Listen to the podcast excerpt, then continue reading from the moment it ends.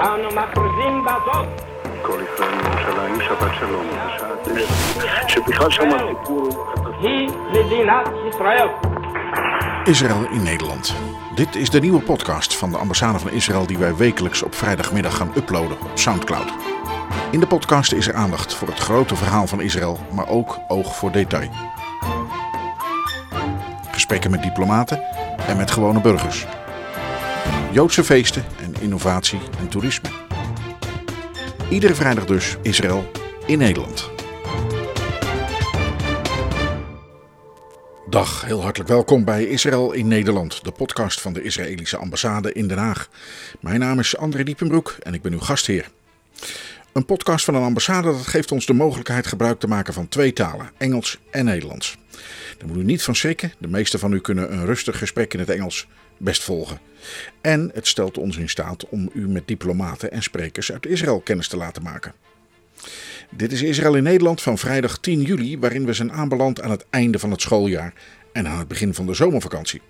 Het is een raar seizoen geweest, wat natuurlijk alles te maken heeft met de coronapandemie. Een van de dingen die we daardoor zijn misgelopen is het Eurovisie Songfestival, wat in Nederland gehouden zou worden. Nadat Duncan Lawrence vorig jaar de competitie in Tel Aviv had gewonnen.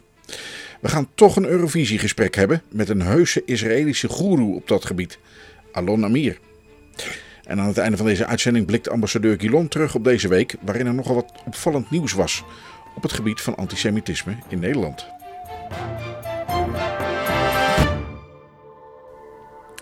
Maar eerst wilden we iets moois en ontroerends u niet onthouden.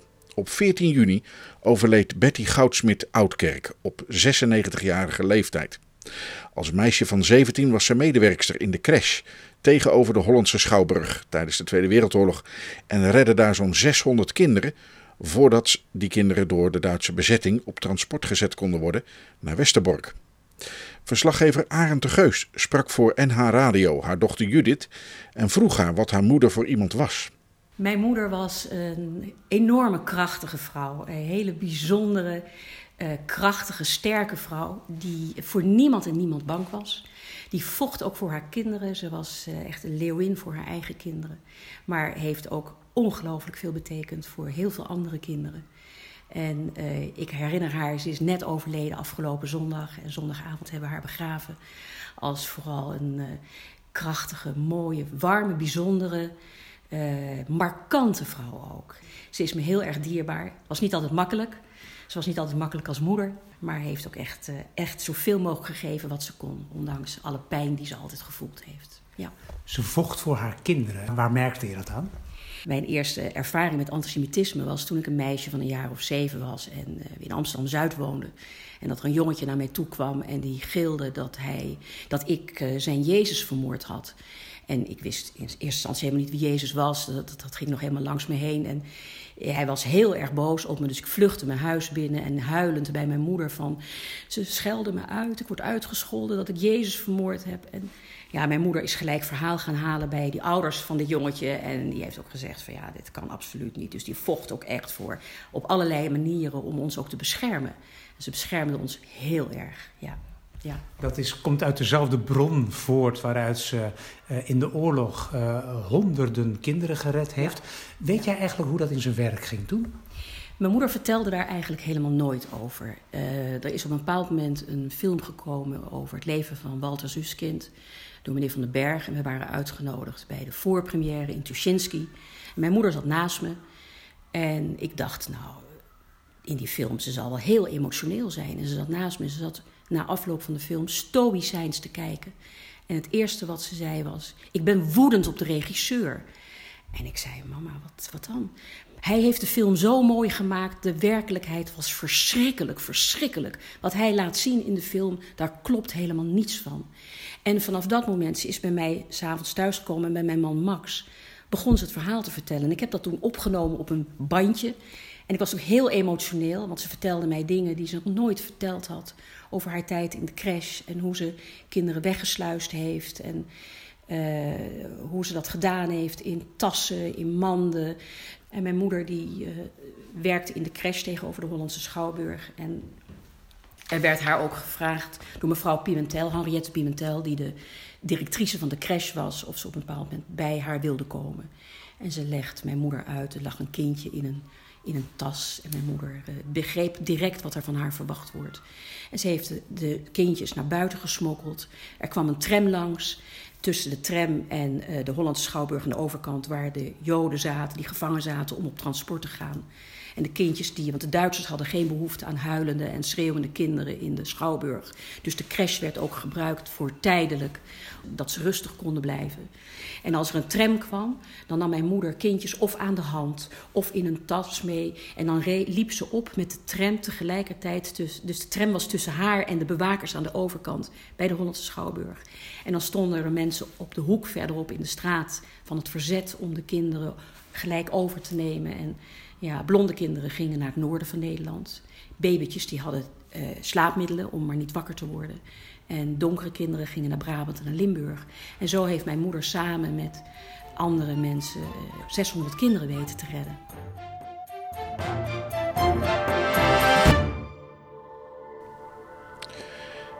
Een indrukwekkend portret van een zeer dappere vrouw, Betty Goudsmit. U hoorde verslaggever Arend de Geus van Noord-Holland Radio in gesprek met dochter Judith Goudsmit. Ja, ik kondigde het al aan. We gaan praten over het Eurovisie Songfestival en daarvoor moet je in de stemming komen. Vindt u ook niet?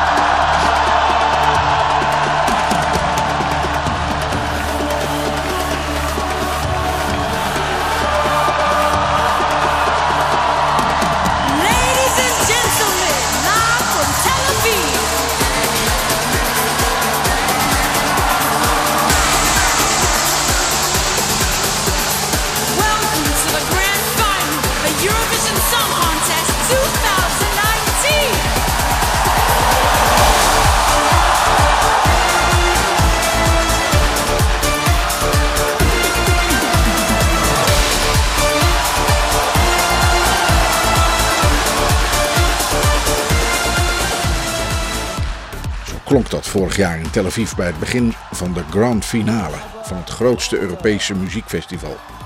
Daar aanwezig was songfestivalgoeroe Alon Amir. Alon maakte deel uit van vele Eurovisie-competities en diende als hoofdpersvoorlichting van de Israëlische delegaties in 2009, 2012, 13 en 16. En hij deed hetzelfde voor de Slovaakse delegatie in 2011 en de Wit-Russische in 2005. Daarbij maakte hij deel uit van de juries in de nationale finales in Zweden, Malta, Estland, Bulgarije, Noorwegen, Ierland en Finland. Om u maar even een idee te geven van onze gast in deze podcast. Dat is niet zomaar iemand, dat is Mr. Songfestival. Behalve alles wat ik al opnoemde, heeft hij zijn eigen PR-bureau, had een eigen radioprogramma en levert commentaar in programma's die over muziek en het Songfestival gaan. En dat klinkt dan zo. בוא נגיד בוקר נפלא לאלון אמיר. בוקר מצוין.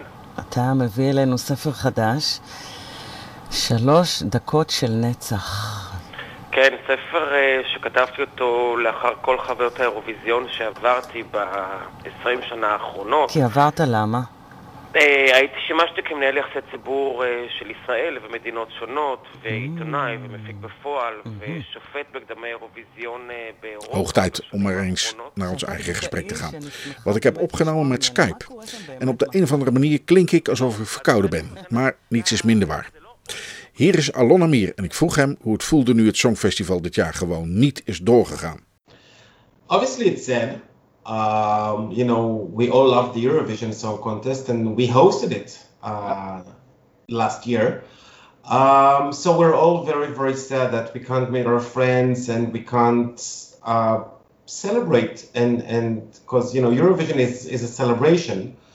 And but there was some sort of Eurovision show made by the Dutch TV, which was lovely. Ja. And uh, you know, it just gives us time to I don't know, look forward to something and to miss something. So can't be that bad. Maybe it's actually a good thing, you know, that now that we know what we miss, actually, make us look forward to uh, at least next year. Well, Eurovision fans won't happy with that they because they miss it all year long. Yeah. But it's okay, it's fine. Would you describe yourself as being a fan? Uh, 30 years ago, yes. Now it's part of my work, and I, I love Eurovision. I love taking part in Eurovision, but I don't think I'm a fan. No. No.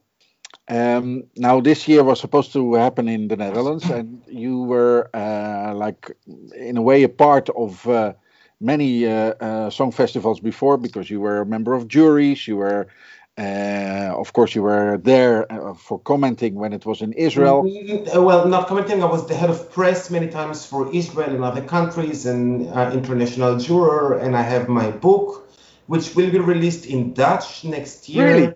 Yes, uh, Okay, it was supposed lovely. to have been released this March, but you know, Corona. Yeah. Uh, so next year, Three Minutes of Eternity will be published in Dutch. Now, not maybe all people in the Netherlands that are looking, uh, listening to the to this podcast know exactly who you are. Can you introduce yourself? Well, so you know, my name is Alon. I'm 42 years old. I own a company which does management and PR for artists. I create content, and you know, I'm I'm an Israeli. That says it all, huh? uh, it says most of it, yes. Yeah. you wrote a book about uh, a particular uh, uh, edition of the uh, Eurovision Song Festival, which was in Baku. Why did you decide to uh, to write a book about it? What what made it so special? Well, I've been part of, I think, 20 or 20 something editions of the Eurovision. So I compiled everything, all of my experiences uh, into one book, but especially what we've been through in Baku in 2012. You know, being an Israeli, representing your country in a Muslim country with an open border to Iran. Uh, we had to go with uh, uh, 15 special agents, and afterwards I've learned that apparently uh, there were 20 undercover Mossad agent, uh, agents that protected us and actually uh, prevented us from being kidnapped to Iran and being killed by terrorists. And I kind of knew what was happening while we were there, but only after returning to Israel, I Yeah. had discovered exactly what happened. And I thought, oh, I, I need to write a book. but, I, but, but I didn't. And then the Okay. following year in Malmo, when we went um, just with five special agents, I was like, ah, that's kids Wow. play. Yeah, that's kids play. So after 2012 and 13, I, I wanted people to, first of all, understand what's happening behind the scene. Because it's, it's not a biography, it's a novel based or inspired uh, by real events, but not just. Uh, and um, I wanted uh, people, not just the fans, to know what's happening behind the scene. We had the stage of the Eurovision, uh, but but it's a book that is, you know, it's about relationships and between people um, and how you deal with people uh, and with uh, things that are being thrown in your face. You know, when life sometimes hits you, you need to get yourself back on the horse and ride uh, and yeah, and you have to be strong sometimes. So it's it's a feel good book. You know, it's very easy, very fun, very not Yeah. politically correct. uh, very not politically correct. It's very me. The book is very me. Okay. well, we're all waiting for it uh, to uh, to come out in uh, in Dutch next year. Yes, next March. Uh, if you want to share a story from Baku with us, from, from like just one, like an anecdote or something that was so unbelievably weird that you, I don't know, you will never forget it. Uh, there were a lot. Some of them I can't reveal because of uh, security issues, but I can tell you that uh, when we found a restaurant that we liked, uh, the special the special agents pro- uh, prohibited us from going there uh, more than twice Okay. because it's a pattern and uh, terrorists can come and um, kill us there. So, for example, uh, and when we walked in the streets of Baku, which didn't happen a lot, uh, we had to say that we were from a certain country, uh, not Israel, by the way. No. Uh, and and uh, there were some some funny things um, that happened because of that, but you can read that in the, in the book. we're not we're not going to reveal everything. Not everything. Um, why why do you think uh, Eurovision Song Festival became such a so central in uh, you know in public culture in uh, in Europe but also in Israel? What's what's the secret? Uh, you know, we have to remember that the Eurovision is here since, you know, before God.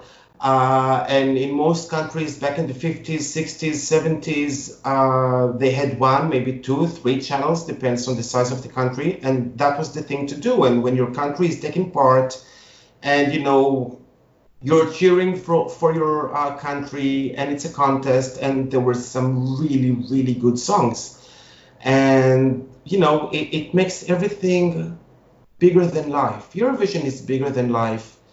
Uh, and I think this is why we all love it. You know, some people will say, oh, I don't watch it, I don't love it. but, you know, we all know songs from Eurovision Song Contest, and we all love some of the songs, not all of them. I mean, come on, I think some of the songs are shit. But, you know, the ones that are really good, they're really good. Yeah, yeah, true. Um, why is it so important also for Israel to be part of it? I mean, Israel, you know, like according to the to the map, Israel is not part of Europe. So, what's the, what's at Well- stake for Israel in it? You know, uh, Azerbaijan is not in Europe, Australia is not in Europe. True. We are members of the EBU, so we're allowed, uh, the European Broadcasting Union, we're allowed to be part, uh, and we were invited uh, in the 70s. Why is it important? Why is it important for every country to take part? You know, because it's an international stage, and you want to be part of the international community. Uh, this is why Russia takes part, or the Netherlands, or Sweden, or the UK. Yep. It's what you do as a country. It's what you do as, as. Why do we take part in the Olympics? Because it's there, and you know why? Why not? it's there, so why not? It's fun. Yeah. You were also definitely, uh, you know, like uh, participating in uh, when it was in Israel last year. How was that? When Well, the actually- circus came to Israel. That was the second time uh, because I won. I was part of the team that won with Dana International, and then I was the executive producer of the Israeli uh, delegation in Jerusalem in '99. Last year in Tel Aviv, I was actually working with the Norwegian delegation, and I was working. I was hosting a very big Eurovision event. Uh, to be honest, uh, it's very fun to win. I love winning the Eurovision. I want to win it several more times, but to be part of the Eurovision when you're, it's in your playground, it's in your city or in your country. I, I don't like that because doing Eurovision outside of your country, when I'm going to Sweden or Azerbaijan, whatever it is, it's I'm, I'm in a bubble. I'm there. This is what I do. When you're in your country, you're not in a bubble. You have to do so many other things, and people know that you're there and they can reach you. And uh, you know, I prefer doing it outside of Israel, though I don't mind doing it every once in a while in Israel because that means we will win. So that's Yep. fine. that's exactly. okay by me. You were, um, how did you call it, the head of the of the Norwegian delegation, or uh, I, I, I was actually helping them, advising. I did the, the PR in Israel for the Norwegian group. right? Uh, uh, um, and and I, I was hosting a, a very big event in Tel Aviv port with three Eurovision winners, two from Sweden, one from Luxembourg, and uh, I, I did my and promoted my book, obviously in the English edition. Yep. How was it to work with the Norwegians? I mean, is there a lot of culture difference? I mean, you're an Israeli, and uh, um, they are, you know, from high up north and everything. Is it? uh, How was the chemistry?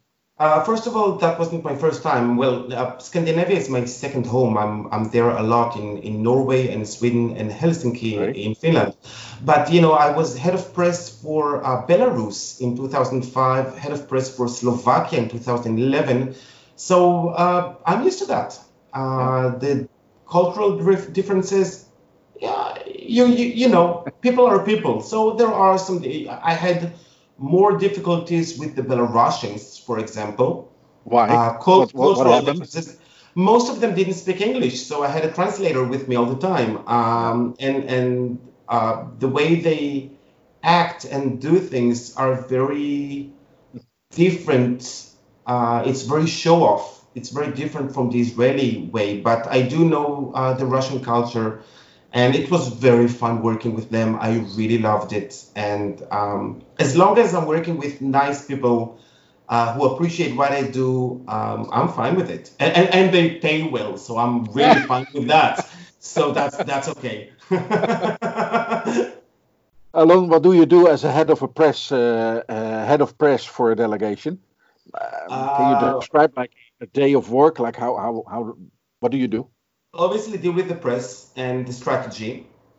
Um, and, and sometimes that means when the rest of my delegation gets to have fun and enjoy parties, I take Yeah. the artist by hand and go from TV station to TV station, from TV crew to TV crew, uh, arranging another interview to, you know, get maybe one more points from Moldova, maybe two more points from Spain Yep. and just you know keep letting everyone know not there in the Eurovision, not the fans, but the world outside of the Eurovision bubble that this is our song. You know, as head of press for the Israeli delegation, for example, in 2009, we had a very political song singing. Um, it was sung by an Israeli and uh, an Israeli Palestinian singer, and it was very political. It was after a war with Gaza, and and the song was very political. So we did a lot of interviews, mainly, I mean, a lot of them to Arabic media, and and Right. since I believe in that message of peace and coexistence, um, for us it was much more than doing Eurovision. It was creating a new reality, or maybe changing a little bit the way people see Israel or Israeli people, or the the relationship between the Israelis and the Palestinians. Um, so that was amazing for me to be doing that and, and to do something that is so meaningful and not just, you know, fun Eurovision. It's changing the world a little bit for the Yeah. better. For the better, Uh, yeah. Yeah, I, I, I, I- I hope so. I don't know. And can, can yeah, uh, the, because that was my question. Is there any way of measuring this? Like, did you have success in that? Uh, PR, you know, it's public relations. It's not something that you can measure.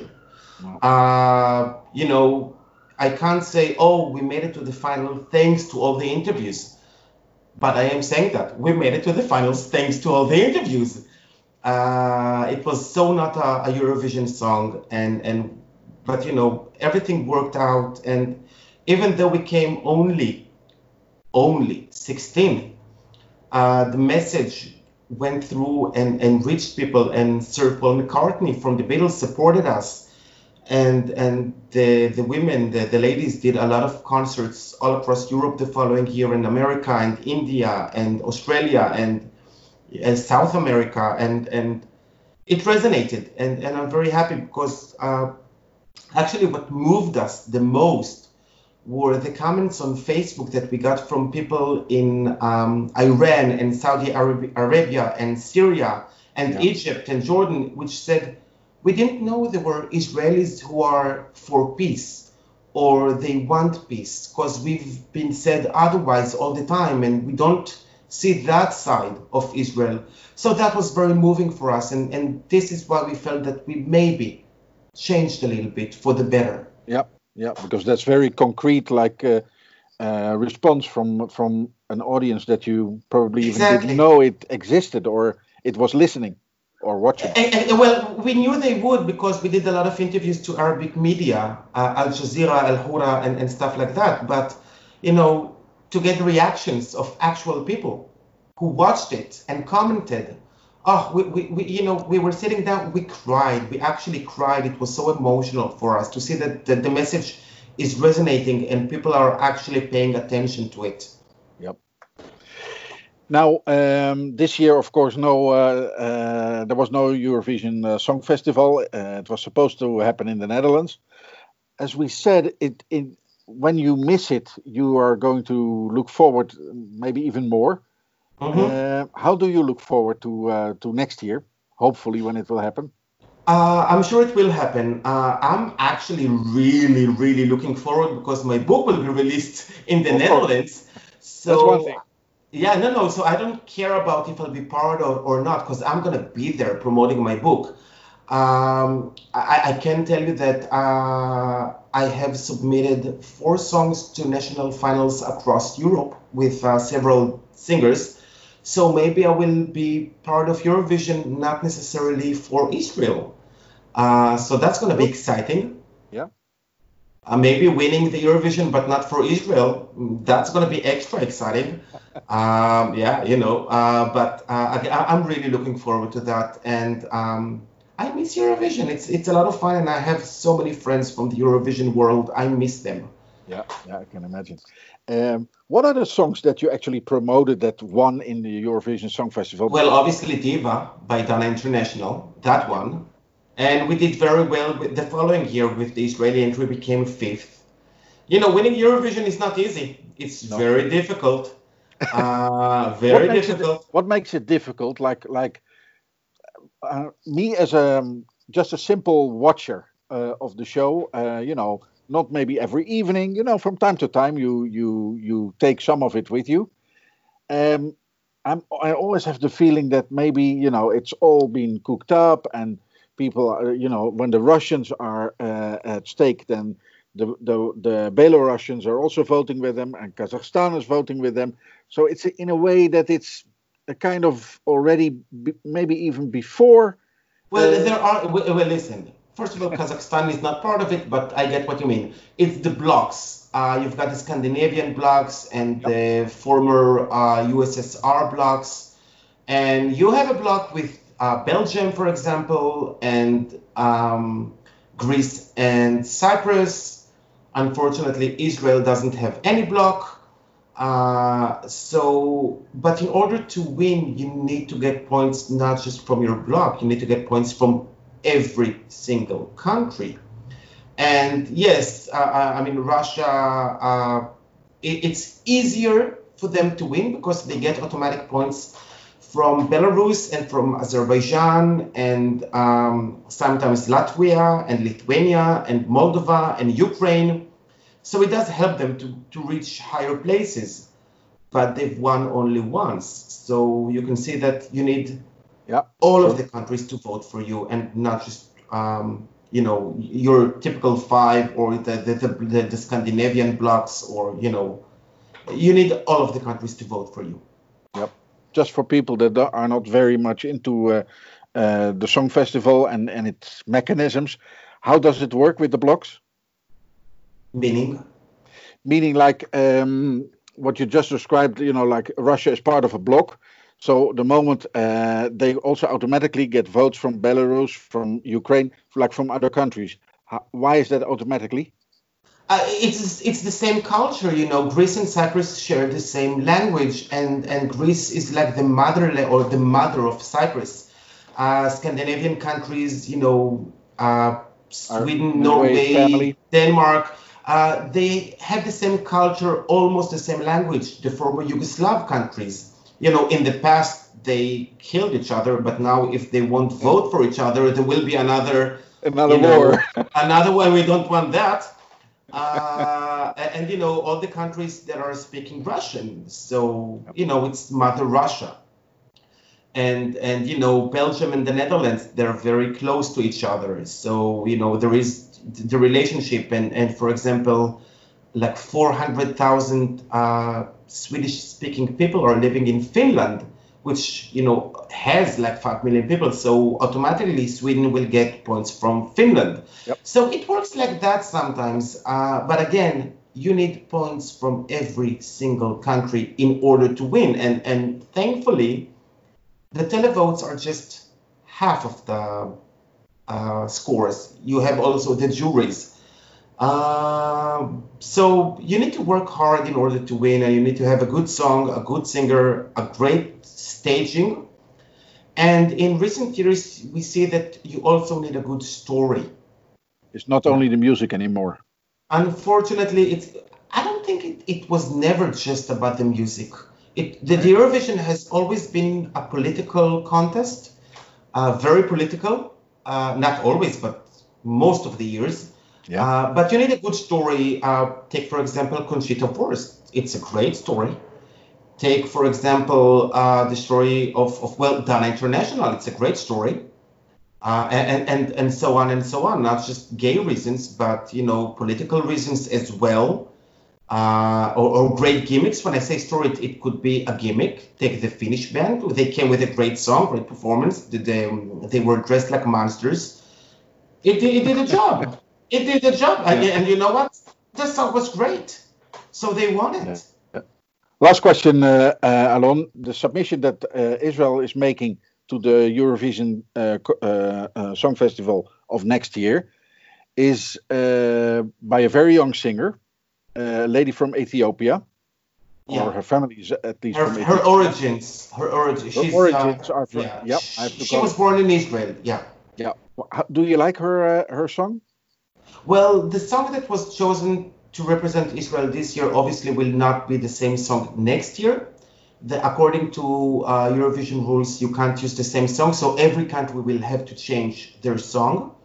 Uh, I wasn't a fan of the Israeli entry that was supposed to have been sent. Um, Feker Libi was the name of the song. Uh, I have to admit that I wasn't a fan. Why was that?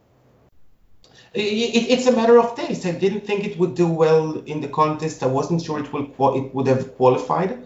Um, I did like, for example, the Icelandic entry. I thought they should have won, and and they missed a great opportunity for their first victory.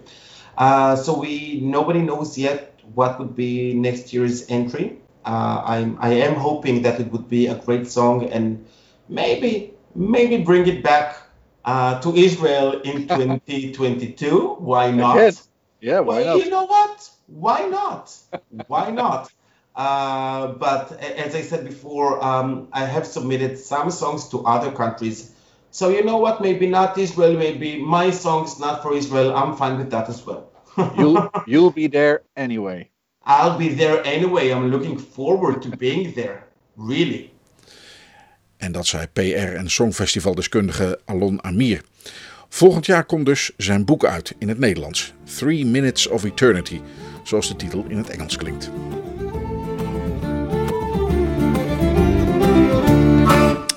Vanmiddag begaf ik mij in onze oude ambassade naar het kantoor van ambassadeur Naor Gilon. En oud, ja, we zitten er al sinds begin jaren 80 van de vorige eeuw. Er is niet veel gerenoveerd in de tussentijd, dus goed dat we gaan verhuizen aan het einde van de maand. Maar dat terzijde. Ik wandelde het kantoor van de ambassadeur binnen. Ambassador, here we are again. Yeah, Friday, going home soon. Fun. How was the week? I mean, not necessarily like your schedule or, uh, but what did you encounter? Oh, in general, it was the last week. Last week was the last week of, uh, of, of Parliament here, so we had many meetings with politicians some of them uh, this week because they are after the sessions, uh, the peak time of resolutions and everything. So uh, people are before they go on vacation, they become a little bit more relaxed to meet. So we had many politicians, some diplomats, a very active week. Unfortunately, I'm not going on vacation, so uh, both uh, our uh, transfer of the embassy in a few weeks and then uh, in Israel, because of Corona, there is uh, a demand for home quarantine. So I, it's very complicated for me to take. Uh, it's two weeks. I, I, will need to take at least three, four weeks. So I'll have to postpone my seeing my new granddaughter and my grandchildren. So it will take time. Uh, it was the end of uh, uh, like like the end of the parliamentary uh, year. Um, was it a kind of hard year uh, for Israel in, in looking back? No, I, I don't think it was a hard hard year. There are all the time we there are people who are in parliament who are more friendly to Israel. There are people who are more critical to Israel, and there is always a dance around these views. Um, just now, I think maybe a topic that I would I would choose to speak about is anti-Semitism because uh, one of the last uh, things that Parliament did it passed a legislation about uh, nominating a coordinator uh, for the topic of anti-Semitism. It's a beautiful uh, initiative by uh, members of parliament, Segers from uh, Christian Union and Dilan from uh, VVD. I think it's very, very important because the issue of anti-Semitism is very problematic, and you know, life is interesting because uh, anti-Semitism was defined in the past as a phobia, like a, a disease that is unexplainable. And you see uh, all around that now with Corona, people who are anti-Semites, they find a way to accuse uh, the Jews of what's happening. And, and I'm, I'm, not going to, to their explanations even because it doesn't really matter. Of course, it's ridiculous. But, you know, you see that anti-Semitism is growing in time of Corona. And this is a very bad sign.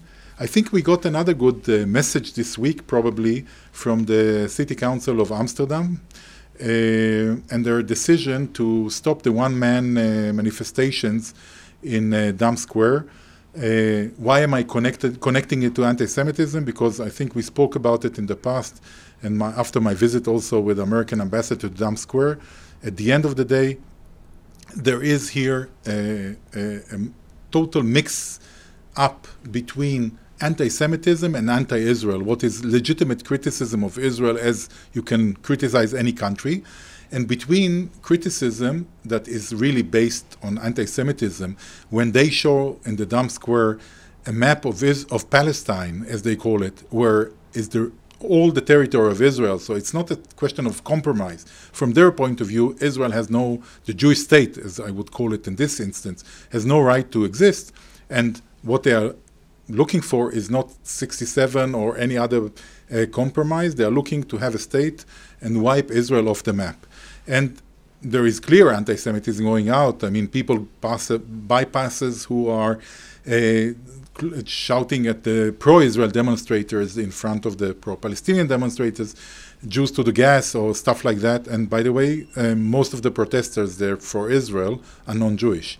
But it's not connected. You understand that it's a phobia. It's something that you cannot uh, not uh, not explain in a rational way. Uh, maybe the the third element of anti-Semitism this week, interesting. I mean, it's more. What a week! Yeah, of anec- anecdote is the NRC article that we saw about uh, the infiltration or, or uh, the services here being able to uh, to have a person inside the right wing uh, anti Semitic or neo Nazi organizations.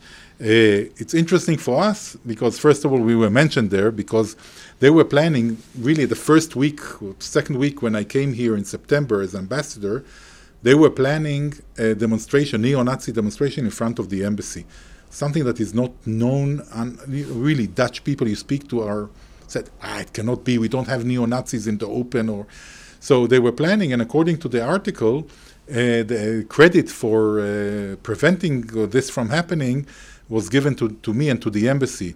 Now, when I hear that the org- one of the organizers was connected to the services, I try to, I start to doubt whether the credit is due.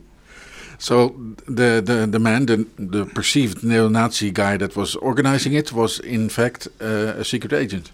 I don't know. NRC claims so. I mean, I, I have no tool to uh, one of the organizers. I have no tool to check it. I'm just, it's an anecdote. It's very funny to read about it uh, in a way. Um, it's um, uh, almost the end of the season. It should have been of course, like your first year uh, season without Corona, with a lot of activities, 70 years of relations between the Netherlands and Israel, and of course, Eurovision, as we have it earlier in this broadcast. Um, Eurovision, did you miss it?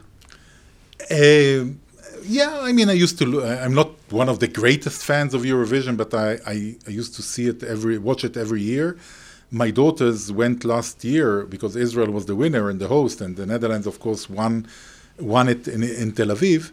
My daughters went to the Eurovision last year. I spent a lot of money. I'm still working to cover the expense. the, the, tickets were ex- tremendously expensive.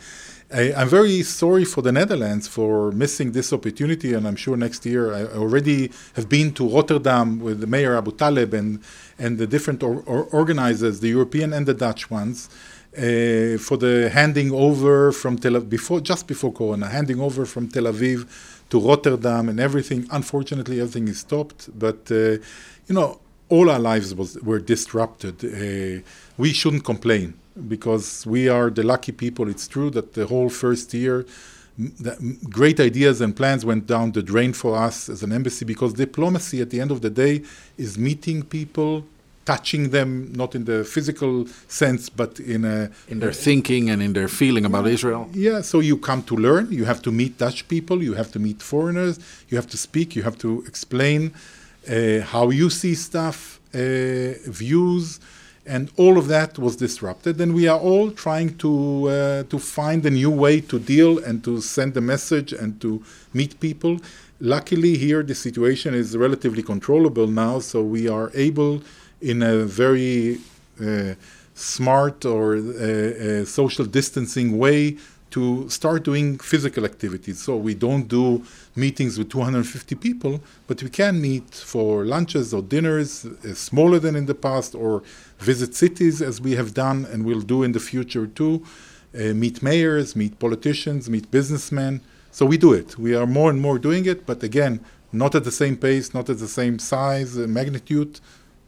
Try to find uh, our way in the corona. And one dinner is coming uh, our way uh, right now, since Shabbat is coming in. Yeah, so uh, it's a good uh, opportunity again to say uh, a great weekend to everyone. Shabbat Shalom. And let's speak next week. En daarmee komen we aan het einde van Israël in Nederland van 10 juli 2020. Fijn dat u luisterde. Attendeert u anderen vooral ook op deze podcast, die iedere week op vrijdag voor het begin van de Shabbat wordt geplaatst op ons Soundcloud-kanaal. En vergeet u niet volger te worden of u te abonneren, zo blijft u steeds op de hoogte van wat we aan het doen zijn. Voelt u zich vrij om dingen uit de podcast te delen met anderen of informatie eruit te gebruiken in andere media? Graag even ons als bron vermelden.